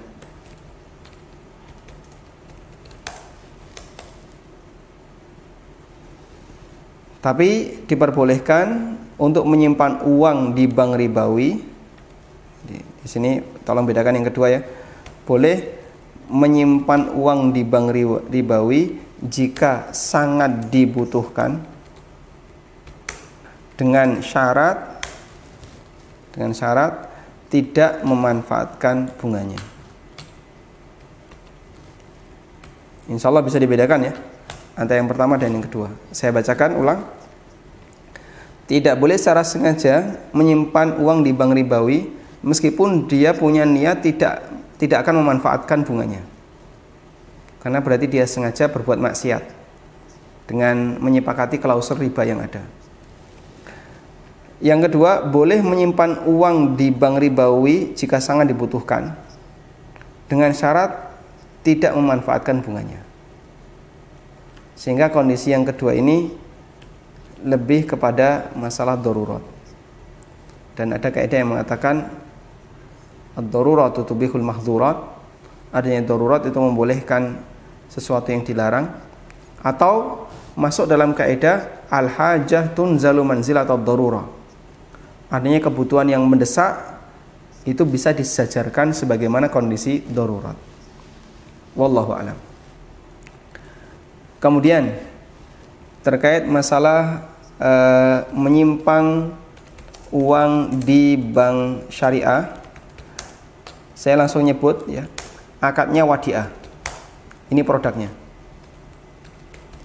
Ini tidak ada bunga. Tidak ada bunga dan tidak ada potongan. Biaya admin tidak ada. Bunga tidak ada, biaya admin juga tidak ada. Tayyib. Cuman yang jadi pertanyaan, nasabah dapat fasilitas. Nasabah dapat fasilitas, misalnya eh, bisa tarik tunai di ATM-nya tanpa bayar, bisa transfer tan sesama bank itu tanpa bayar. Apalagi bisa belanja dengan menggunakan fasilitas bank itu. Sehingga misalnya belanja di marketplace, nanti pembayaran via A, nah, dikasih tahu. Nanti bapak masuk ke virtual account, nanti klik ini klik ini isi data selesai. Berarti dia dapat banyak fasilitas. Nah, kalau kayak gini boleh atau tidak? Yang saya pahami model akad e, wadiah produk wadiah di bank syariah meskipun hakikatnya ini adalah akad utang kita saya tulis di sini ya produk bank syariah berupa wadiah ini adalah akad utang. Hakikatnya adalah akad utang. Sehingga karena hakikatnya akad utang, maka Anda tidak boleh mendapatkan manfaat dari akad utang itu. Manfaat apa yang dilarang? Manfaat apa yang dilarang? Manfaat yang dilarang adalah manfaat tambahan bukan manfaat dari akad utang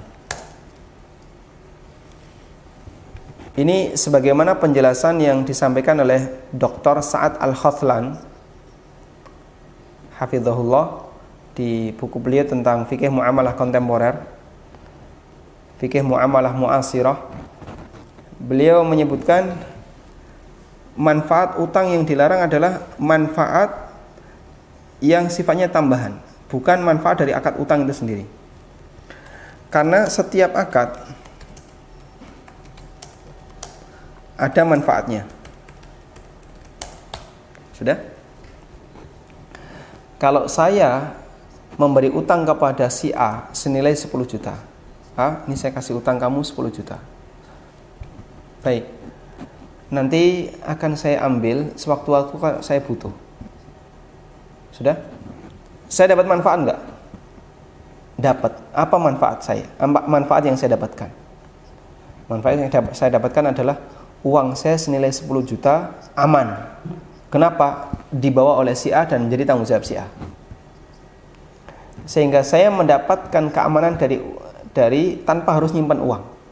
Uang itu kalau saya taruh di rumah, wah, ini beresiko. Bisa dibawa orang lain, bisa diambil orang lain, bisa dicuri orang lain. Ketika saya utangkan kepada si A, maka uang saya aman. Kenapa? Saya tinggal nagih si A. Kok uang itu hilang di tangan si A, itu urusan si A. Tapi saya tetap berat dapat 10 juta. Nah, manfaat yang kayak gini diperbolehkan karena dia manfaat dari akad, bukan manfaat tambahan. Contoh yang lain ada orang yang melakukan akad uh, utang piutang di Jogja. Misalnya, saya mau berangkat ke Jakarta, jalur darat, dengan membawa uang 100 juta. Tolong di mute dulu ya.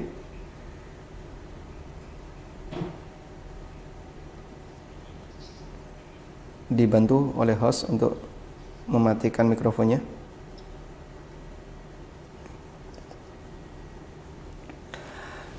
Kita lanjutkan. Saya mau ke Jakarta bawa uang 100 juta. Lewat jalur darat. Ini beresiko. Akhirnya saya berinisiatif anggap saja belum ada bank ya. Karena kejadian ini belum ada bank. Saya utangkan 100 juta ini kepada si A. Saya sampaikan kepada si A, A, kamu kan punya keluarga di Jakarta namanya B. Betul. Begini, saya mau ke Jakarta. Saya kalau bawa uang ini 100 juta, saya takut nanti dirampok. Saya serahkan ke kamu 100 juta dan tolong kamu buatkan secari kertas isinya pernyataan bahwa saya kamu telah menerima dari saya 100 juta dan mohon kepada si B untuk menyerahkan 100 juta kepada saya di Jakarta. A setuju. Akhirnya dibuatkanlah surat kepada si B eh, yang A dan B ini berkeluarga ya. Dibuatkanlah surat kepada si B. Nanti kalau saya datang dengan membawa surat ini tolong dikasihkan 100 juta. Saya berangkat ke Jakarta dengan membawa selembar kertas tadi. Dan ini lebih aman ini lebih aman sesampainya di Jakarta saya cari B setelah ketemu B saya serahkan kertas itu dan B ngasih saya uang 100 juta model seperti ini disebut dengan akad suftajah saya nggak perlu tulis ya apa definisinya. Akad suf saja kayak tadi. Karena saya mau berangkat ke sana, saya butuh keamanan, maka saya serahkan kepada si A, saya minta A tolong buatkan surat, nanti saya tagihkan kepada si B, lalu B yang mencairkan. Ini namanya suftaja. Saya dapat manfaat nggak? Dapat. Apa manfaatnya yang dapat saya dapatkan? Keamanan selama di perjalanan. Tayyib. Saya punya uang 100 juta. Saya mau bawa ke Jakarta. Ini di era ada bank. Akad suftaja ini dipraktikkan di zaman sahabat ya. Sekarang kita bawa ke era ada bank. Saya mau ke Jakarta bawa 100 juta. Oh ini beresiko. Akhirnya saya datang ke bank A. Saya serahkan. Lalu saya dikasih buku tabungan plus ATM. Pihak bank ngasih info ke saya, Nanti kalau sampai di Jakarta, Bapak bisa tarik tunai di semua ATM yang berlogo nama saya A. Nah, ini ya logonya ya A. Siap, berangkatlah saya ke sana. Lalu ketika saya di sana, saya cari ATM berlogo A, tinggal tarik, tinggal tarik, tinggal tarik. Itu kan seperti soft aja. Seperti akad soft aja.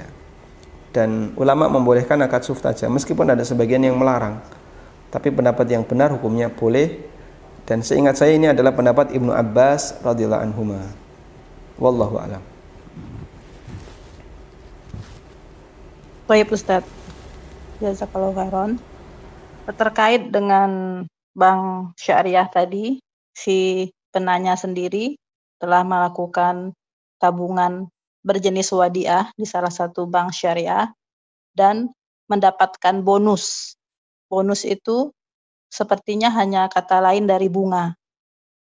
Nah, bagaimana eh, dengan terkait hal tersebut Ustadz? Karena sewaktu kita membuka tabungan wadiah itu pun ada klausul yang menyatakan dengan di, kita membuka rekening wadiah itu kita akan mendapatkan bonus. Dan apabila kita menyetujui itu, baik di bank konven maupun di bank syariah, kalau di bank konven kita sebut dengan bunga, artinya kita telah menyetujui adanya riba. Bagaimana apabila kita meminta untuk menonaktifkan baik bunga atau bonus itu Ustadz. Jadi benar-benar tabungan wadiah kita itu tanpa unsur bonus atau riba atau keuntungan apa pun.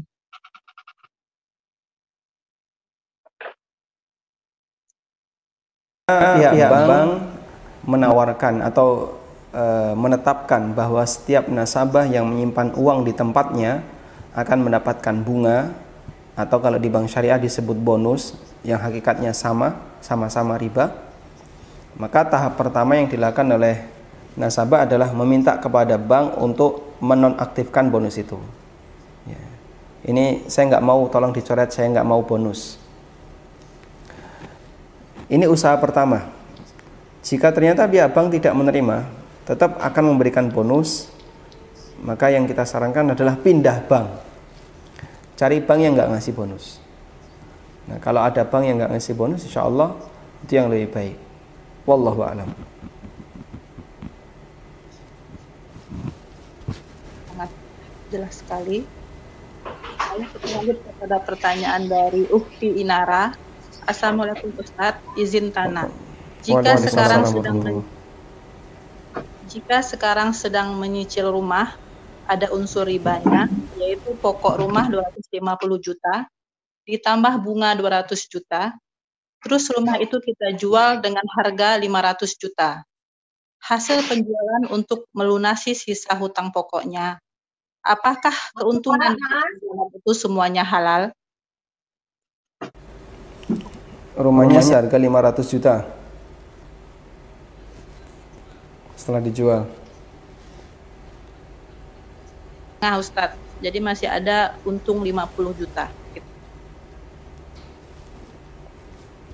Berarti ini rumah hasil KPR? Iya, hasil kredit.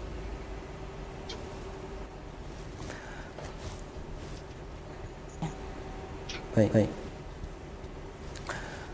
Untuk uh, penyelesaian rumah hasil KPR seperti ini. Jika rumah itu dijual, Pertanyaannya, hasilnya itu milik apa? Milik sahabat ataukah milik bank? Saya tidak membahas dari sisi hukum e, di perbankan, tapi dari sisi hukum syar'i. Jawabannya, secara hukum syar'i itu milik nasabah. Kenapa? Karena nasabah sudah melakukan akad jual beli rumah itu dari developer. Saat dia membuka Eh, KPR, dia kan datang dulu ke developer. Kemudian dia tertarik dengan satu rumah yang dimiliki oleh developer, lalu nasabah ini beli. Saat dia beli rumah tersebut, pihak developer hanya menerima pembayaran tunai. Sementara nasabah nggak sanggup, konsumen ini nggak sanggup. Akhirnya oleh pihak developer diarahkan ke KPR. Ini ada bank, silakan nanti menghubungi Pak ini, Bapak akan diuruskan KPR-nya. Dan untuk tanda jadinya pihak developer minta 10%. Akhirnya deal dilakukan transaksi konsumen bayar 10%. Begitu konsumen bayar 10% ke pihak developer berarti sudah dilakukan akad. Karena sudah dilakukan akad, maka eh, rumah itu sudah menjadi milik nasabah. Kekurangannya yang 90% ditalangi oleh bank. Lalu pihak nasa, uh, pihak nasabah ini mencicil ke bank dengan ada margin. Berarti rumah itu milik siapa? Milik nasabah. Bukan milik bank. Saya kasih ilustrasi kayak gini ya. Di sebelah rumah saya ada sebuah tanah. Luasnya misalnya 200 meter. Lalu saya ingin membelinya. Karena persis di sebelah rumah pemiliknya pertama kali menawarkan ke saya ya ini ini tanah um, mau saya jual saya tawarkan ke bapak karena bapak tetangga saya. Saya tertarik untuk beli harganya berapa? 500 juta. Ya. per meter dua setengah juta. Ini 200 meter. Wah saya nggak punya duit segitu. Adanya cuma 200 juta. Ya sudah tidak apa-apa 200 juta. Nanti yang 300 bisa dibayar bulan depan. Deal. Saya langsung bayar 200 kita AJB selama satu bulan saya mikir gimana caranya biar dapat uang 300 lalu saya utang ke Paijo Jo Paijo saya utang 300 nah, kemudian setelah dapat utang Paijo saya bayarkan lunas Paijo minta tolong cicilannya selama lima tahun nanti jadi 600 Nah, selama masa itu saya nyicil terus ke Pak Ijo. Saya melakukan akad riba dengan Pak Ijo. Ini hukumnya dilarang. Sampai akhirnya ketika saya nggak bisa bayar, tanah ini dieksekusi, jual. Laku 800. 800 itu milik saya atau milik Pak Ijo? Jawabannya milik saya. Terus haknya Pak Ijo berapa? Haknya Pak Ijo hanya senilai pokok yang dia berikan. 300 juta. Ribanya saya nggak boleh berikan. Tapi Pak Ijo tetap ngayal, pokoknya riba harus tetap dikasihkan. Nah, andai kan Pak Ijo tetap memaksa dan dia ngambil kelebihan, maka sisanya tetap jadi milik saya. Aku 800, saya sudah bayarkan ke Pak Ijo misalnya eh, 500, sisa 300 milik saya. Sehingga sisa penjualan rumah tadi tetap menjadi milik eh, nasabah. Wallahu alam. Jadi untuk akad ribanya tinggal taubat minta ampun. Sementara keuntungan dari jual belinya halal ya Ustadz ya? Boleh, Boleh dimiliki. dimiliki. Jadi, Jadi bedakan, bedakan antara taubat riba dengan, dengan konsekuensinya. Kita berbicara penyelesaian konsekuensi, bukan berbicara dosa ribanya. Kalau dosa ribanya arahnya kepada uh, tobat, kemudian dia berjanji tidak akan mengulangi dan seterusnya. Tapi yang kita bahas tadi adalah konsekuensi dari eh, penyelesaian dari konsekuensi tobat. Saya sudah tobat dari riba, ini sudah saya hentikan, mau saya selesaikan. Terus gimana penyelesaiannya? Ya, penjelasan kita tadi adalah bahas penyelesaiannya. Wallahu alam. Masya Allah. Kita lanjut ke pertanyaan Uhti Nanden. Bismillah. Ustadz jika bertransaksi dengan bank syariah dengan akad jual beli dengan keuntungan yang sudah ditentukan, bagaimana hukumnya? Apakah halal? Dan satu lagi, halalkah jika mau menyewa tempat untuk usaha, lalu bertransaksi dengan bank syariah dengan akad ijarah? Dan yang berikutnya, apakah semua bentuk produk yang ada di bank syariah itu halal bagi kita umat muslim baik deposito atau yang produk-produk bank syariah lainnya.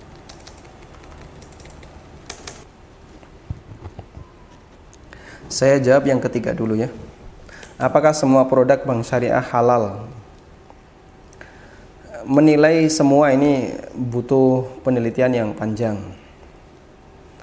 apalagi di sini menggunakan nama yang mubham, nama yang yang yang global, bank syariah. Bank syariah di Indonesia kan banyak. Bahkan yang konven pindah ke syariah pun banyak. Sehingga untuk kami umat umat eh, bank syariah mana yang yang lebih, yang paling aman yang ada di negara kita ini supaya mencegah kita dari was-was apalagi kita masih awam dan belum tahu ilmunya Ustaz. Hmm. Uh, jadi saya lebih tertarik untuk menilai dari produk ke produk, bukan menilai lembaganya. Karena kalau menilai lembaganya, kita mengakui pengakuan dari karyawannya sendiri, bank tempat mereka bekerja itu masih sangat rentan dengan riba. Ini pengakuan dari karyawannya sendiri. Hampir di semua bank syariah. Makanya eh, banyak kita jumpai kawan-kawan di bank syariah setelah mendengarkan tentang pemaparan Ustadz Erwandi, pemaparan Ustadz Arifin, mereka resign. Padahal mereka berada di bank syariah yang dianggap sangat syariah di Indonesia.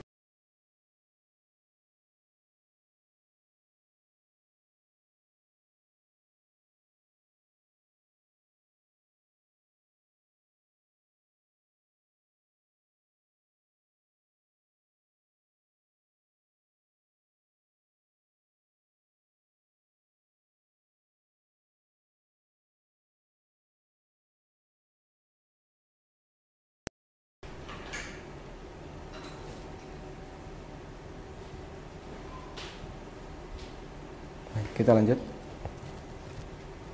Ganti baterai kamera.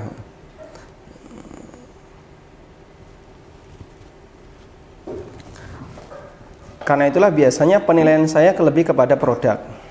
Produk A bagaimana, produk B bagaimana. Untuk saat ini produk yang cukup aman dipakai di bank syariah adalah produk wadiah saya tidak tahu apakah itu semua bank tapi salah satunya adalah bank yang digunakan oleh ANB official sebagai penampung e, donasi dan ini juga yang digunakan oleh Yayasan Amal Abadi Indonesia. Nah kita gunakan produk Wadia itu karena tanpa tambahan speser pun dan dulu waktu pembukaan kita hanya diminta untuk bayar biaya administrasi sekian. Kemudian kita dikasih fasilitas, ada buku tabungan plus ATM. Dan insya Allah itu senilai ya, dengan fasilitas yang diberikan. Speser pun nggak ada tabungan, nggak ada bonus, nggak ada apa pun. Insya Allah di posisi ini masih di posisi aman, karena akadnya murni utang, nggak ada tambahan apa pun. Sementara beberapa manfaat karena fasilitas yang dikasihkan seperti kemudahan transaksi dan seterusnya itu bagian dari konsekuensi. Ya, saya punya rekening, otomatis rekening itu bisa dipakai untuk lalu lintas uang rekening ini juga bisa dipakai untuk transfer rekening ini bisa dipakai untuk alat bayar dan seterusnya. Sementara untuk produk yang lain seperti uh, ijarah atau jual beli dan seterusnya setahu kami ini berbeda-beda antara satu cabang dengan cabang yang lain. Di sebagian cabang bank syariah tertentu dia mau menerima sesuai dengan aturan syariat. Jual belinya betul-betul syar'i ternyata di cabang yang lain itu nggak berlaku. Pimpinannya belum menerima yang kayak gitu. Makanya kalau kami sebut uh, yang kita referensikan bank ini itu bisa beresiko. Nanti ternyata praktek di daerah mereka berbeda dengan yang ada di daerah kami. Dan kadang uh, mereka mau untuk melakukan praktek syari ketika yang diajak komunik yang diajak transaksi itu orang yang paham syariat. Tapi kalau masyarakatnya awam, kemudian karyawan banknya juga awam, mereka pakai SOP seperti bank konven. Apalagi seperti yang kita tahu, umumnya karyawan bank syariah itu eksodus pindahan dari konven. Sehingga untuk pertanyaan satu dan dua Eh, tentang akad jual beli dengan bank syariah dan akad ijarah dengan bank syariah. Jika memang betul-betul bank uh, jual beli secara syar'i, bank memiliki barang itu silahkan. Tapi Anda perlu perhatikan ya. Di garis bawahi, bank harus sudah punya barang sebelum Anda melakukan akad dengan bank. Tapi kalau Anda sudah melakukan akad dengan bank sebelum bank punya barang, misalnya diminta bayar DP dulu, diminta apa misalnya uh, kesepakatan harga dan ini nggak dikunci nggak bisa diubah-ubah dan nanti wajib beli. Berarti sudah melakukan akad dulu sebelum bank punya barang. Ini masuk dalam kategori jual beli kalik bil kalik. Bank nggak punya duit eh, bank nggak punya barang nasabah nggak bawa uang tunai sehingga terjadilah transaksi utang dengan utang. Dan ulama sepakat jual beli kalik beli kalik hukumnya dilarang. Wallahu alam cukup kayaknya. Masya Allah Alhamdulillah. Uh, ada satu lagi Ustaz? Mohon maaf. Satu, satu lagi ya? uh, sepertinya ini digunakan oleh hampir semua kita apalagi di zaman pandemi COVID ini Ustadz tentang GoPay Ustadz atau OVO atau uh, yang sejenis. Jadi dari pemaparan Ustadz tadi apa beda menyimpan uang deposit di GoPay dengan tujuan hanya untuk membeli jasa yang diberikan GoPay di depan dengan menyimpan uang di bank di mana walaupun tan di mana orang GoPay di akadnya sudah menyatakan bahwa dia bukanlah bank dan dan dia tidak akan mempergunakan uang kita itu untuk keperluan pribadinya. Tapi walau alam jika di belakang kita dia menggunakan apakah kita sebagai pengguna GoPay ikut berdosa.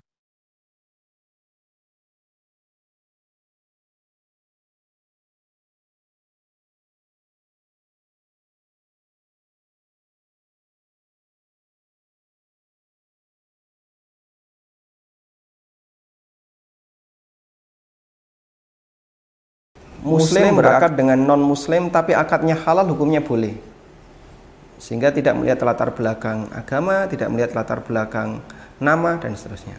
Ini mau bernama bank, mau bernama GoPay, mau bernama apa itu masalah nama tidak diperhitungkan. Sehingga yang menjadi masalah kenapa ini nggak boleh bukan karena namanya bank. Sehingga kalau bank berubah nama jadi musola misalnya, ya. musola man apa misalnya, musola A atau musola B tapi prakteknya tetap praktek riba ya, tetap dilarang.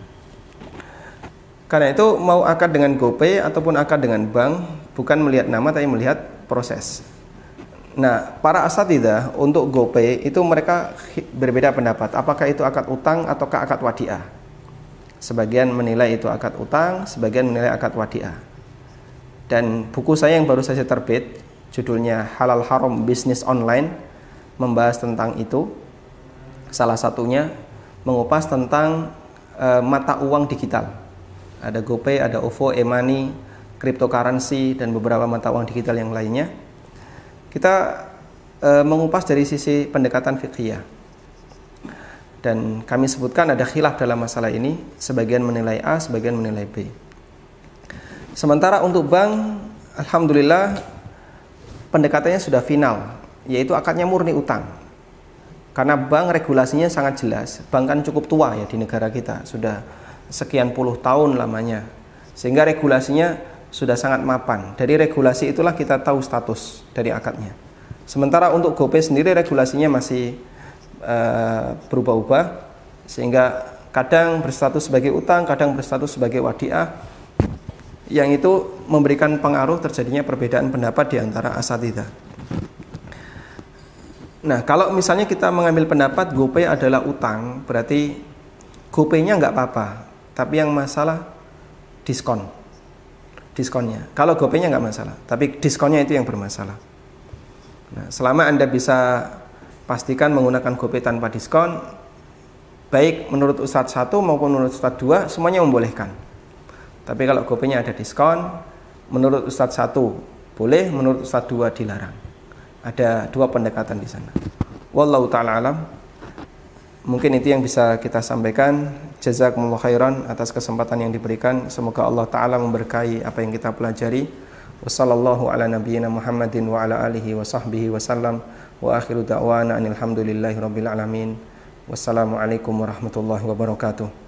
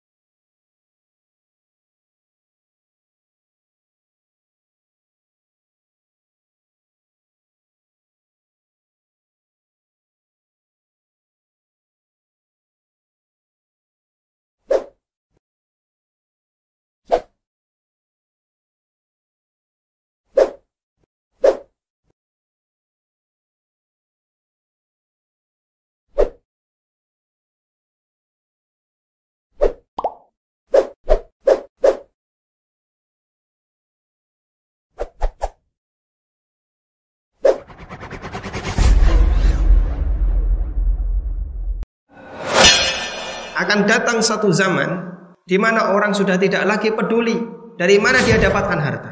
Aminal halal, aminal haram. Apakah dari sesuatu yang halal ataukah dari sesuatu yang haram?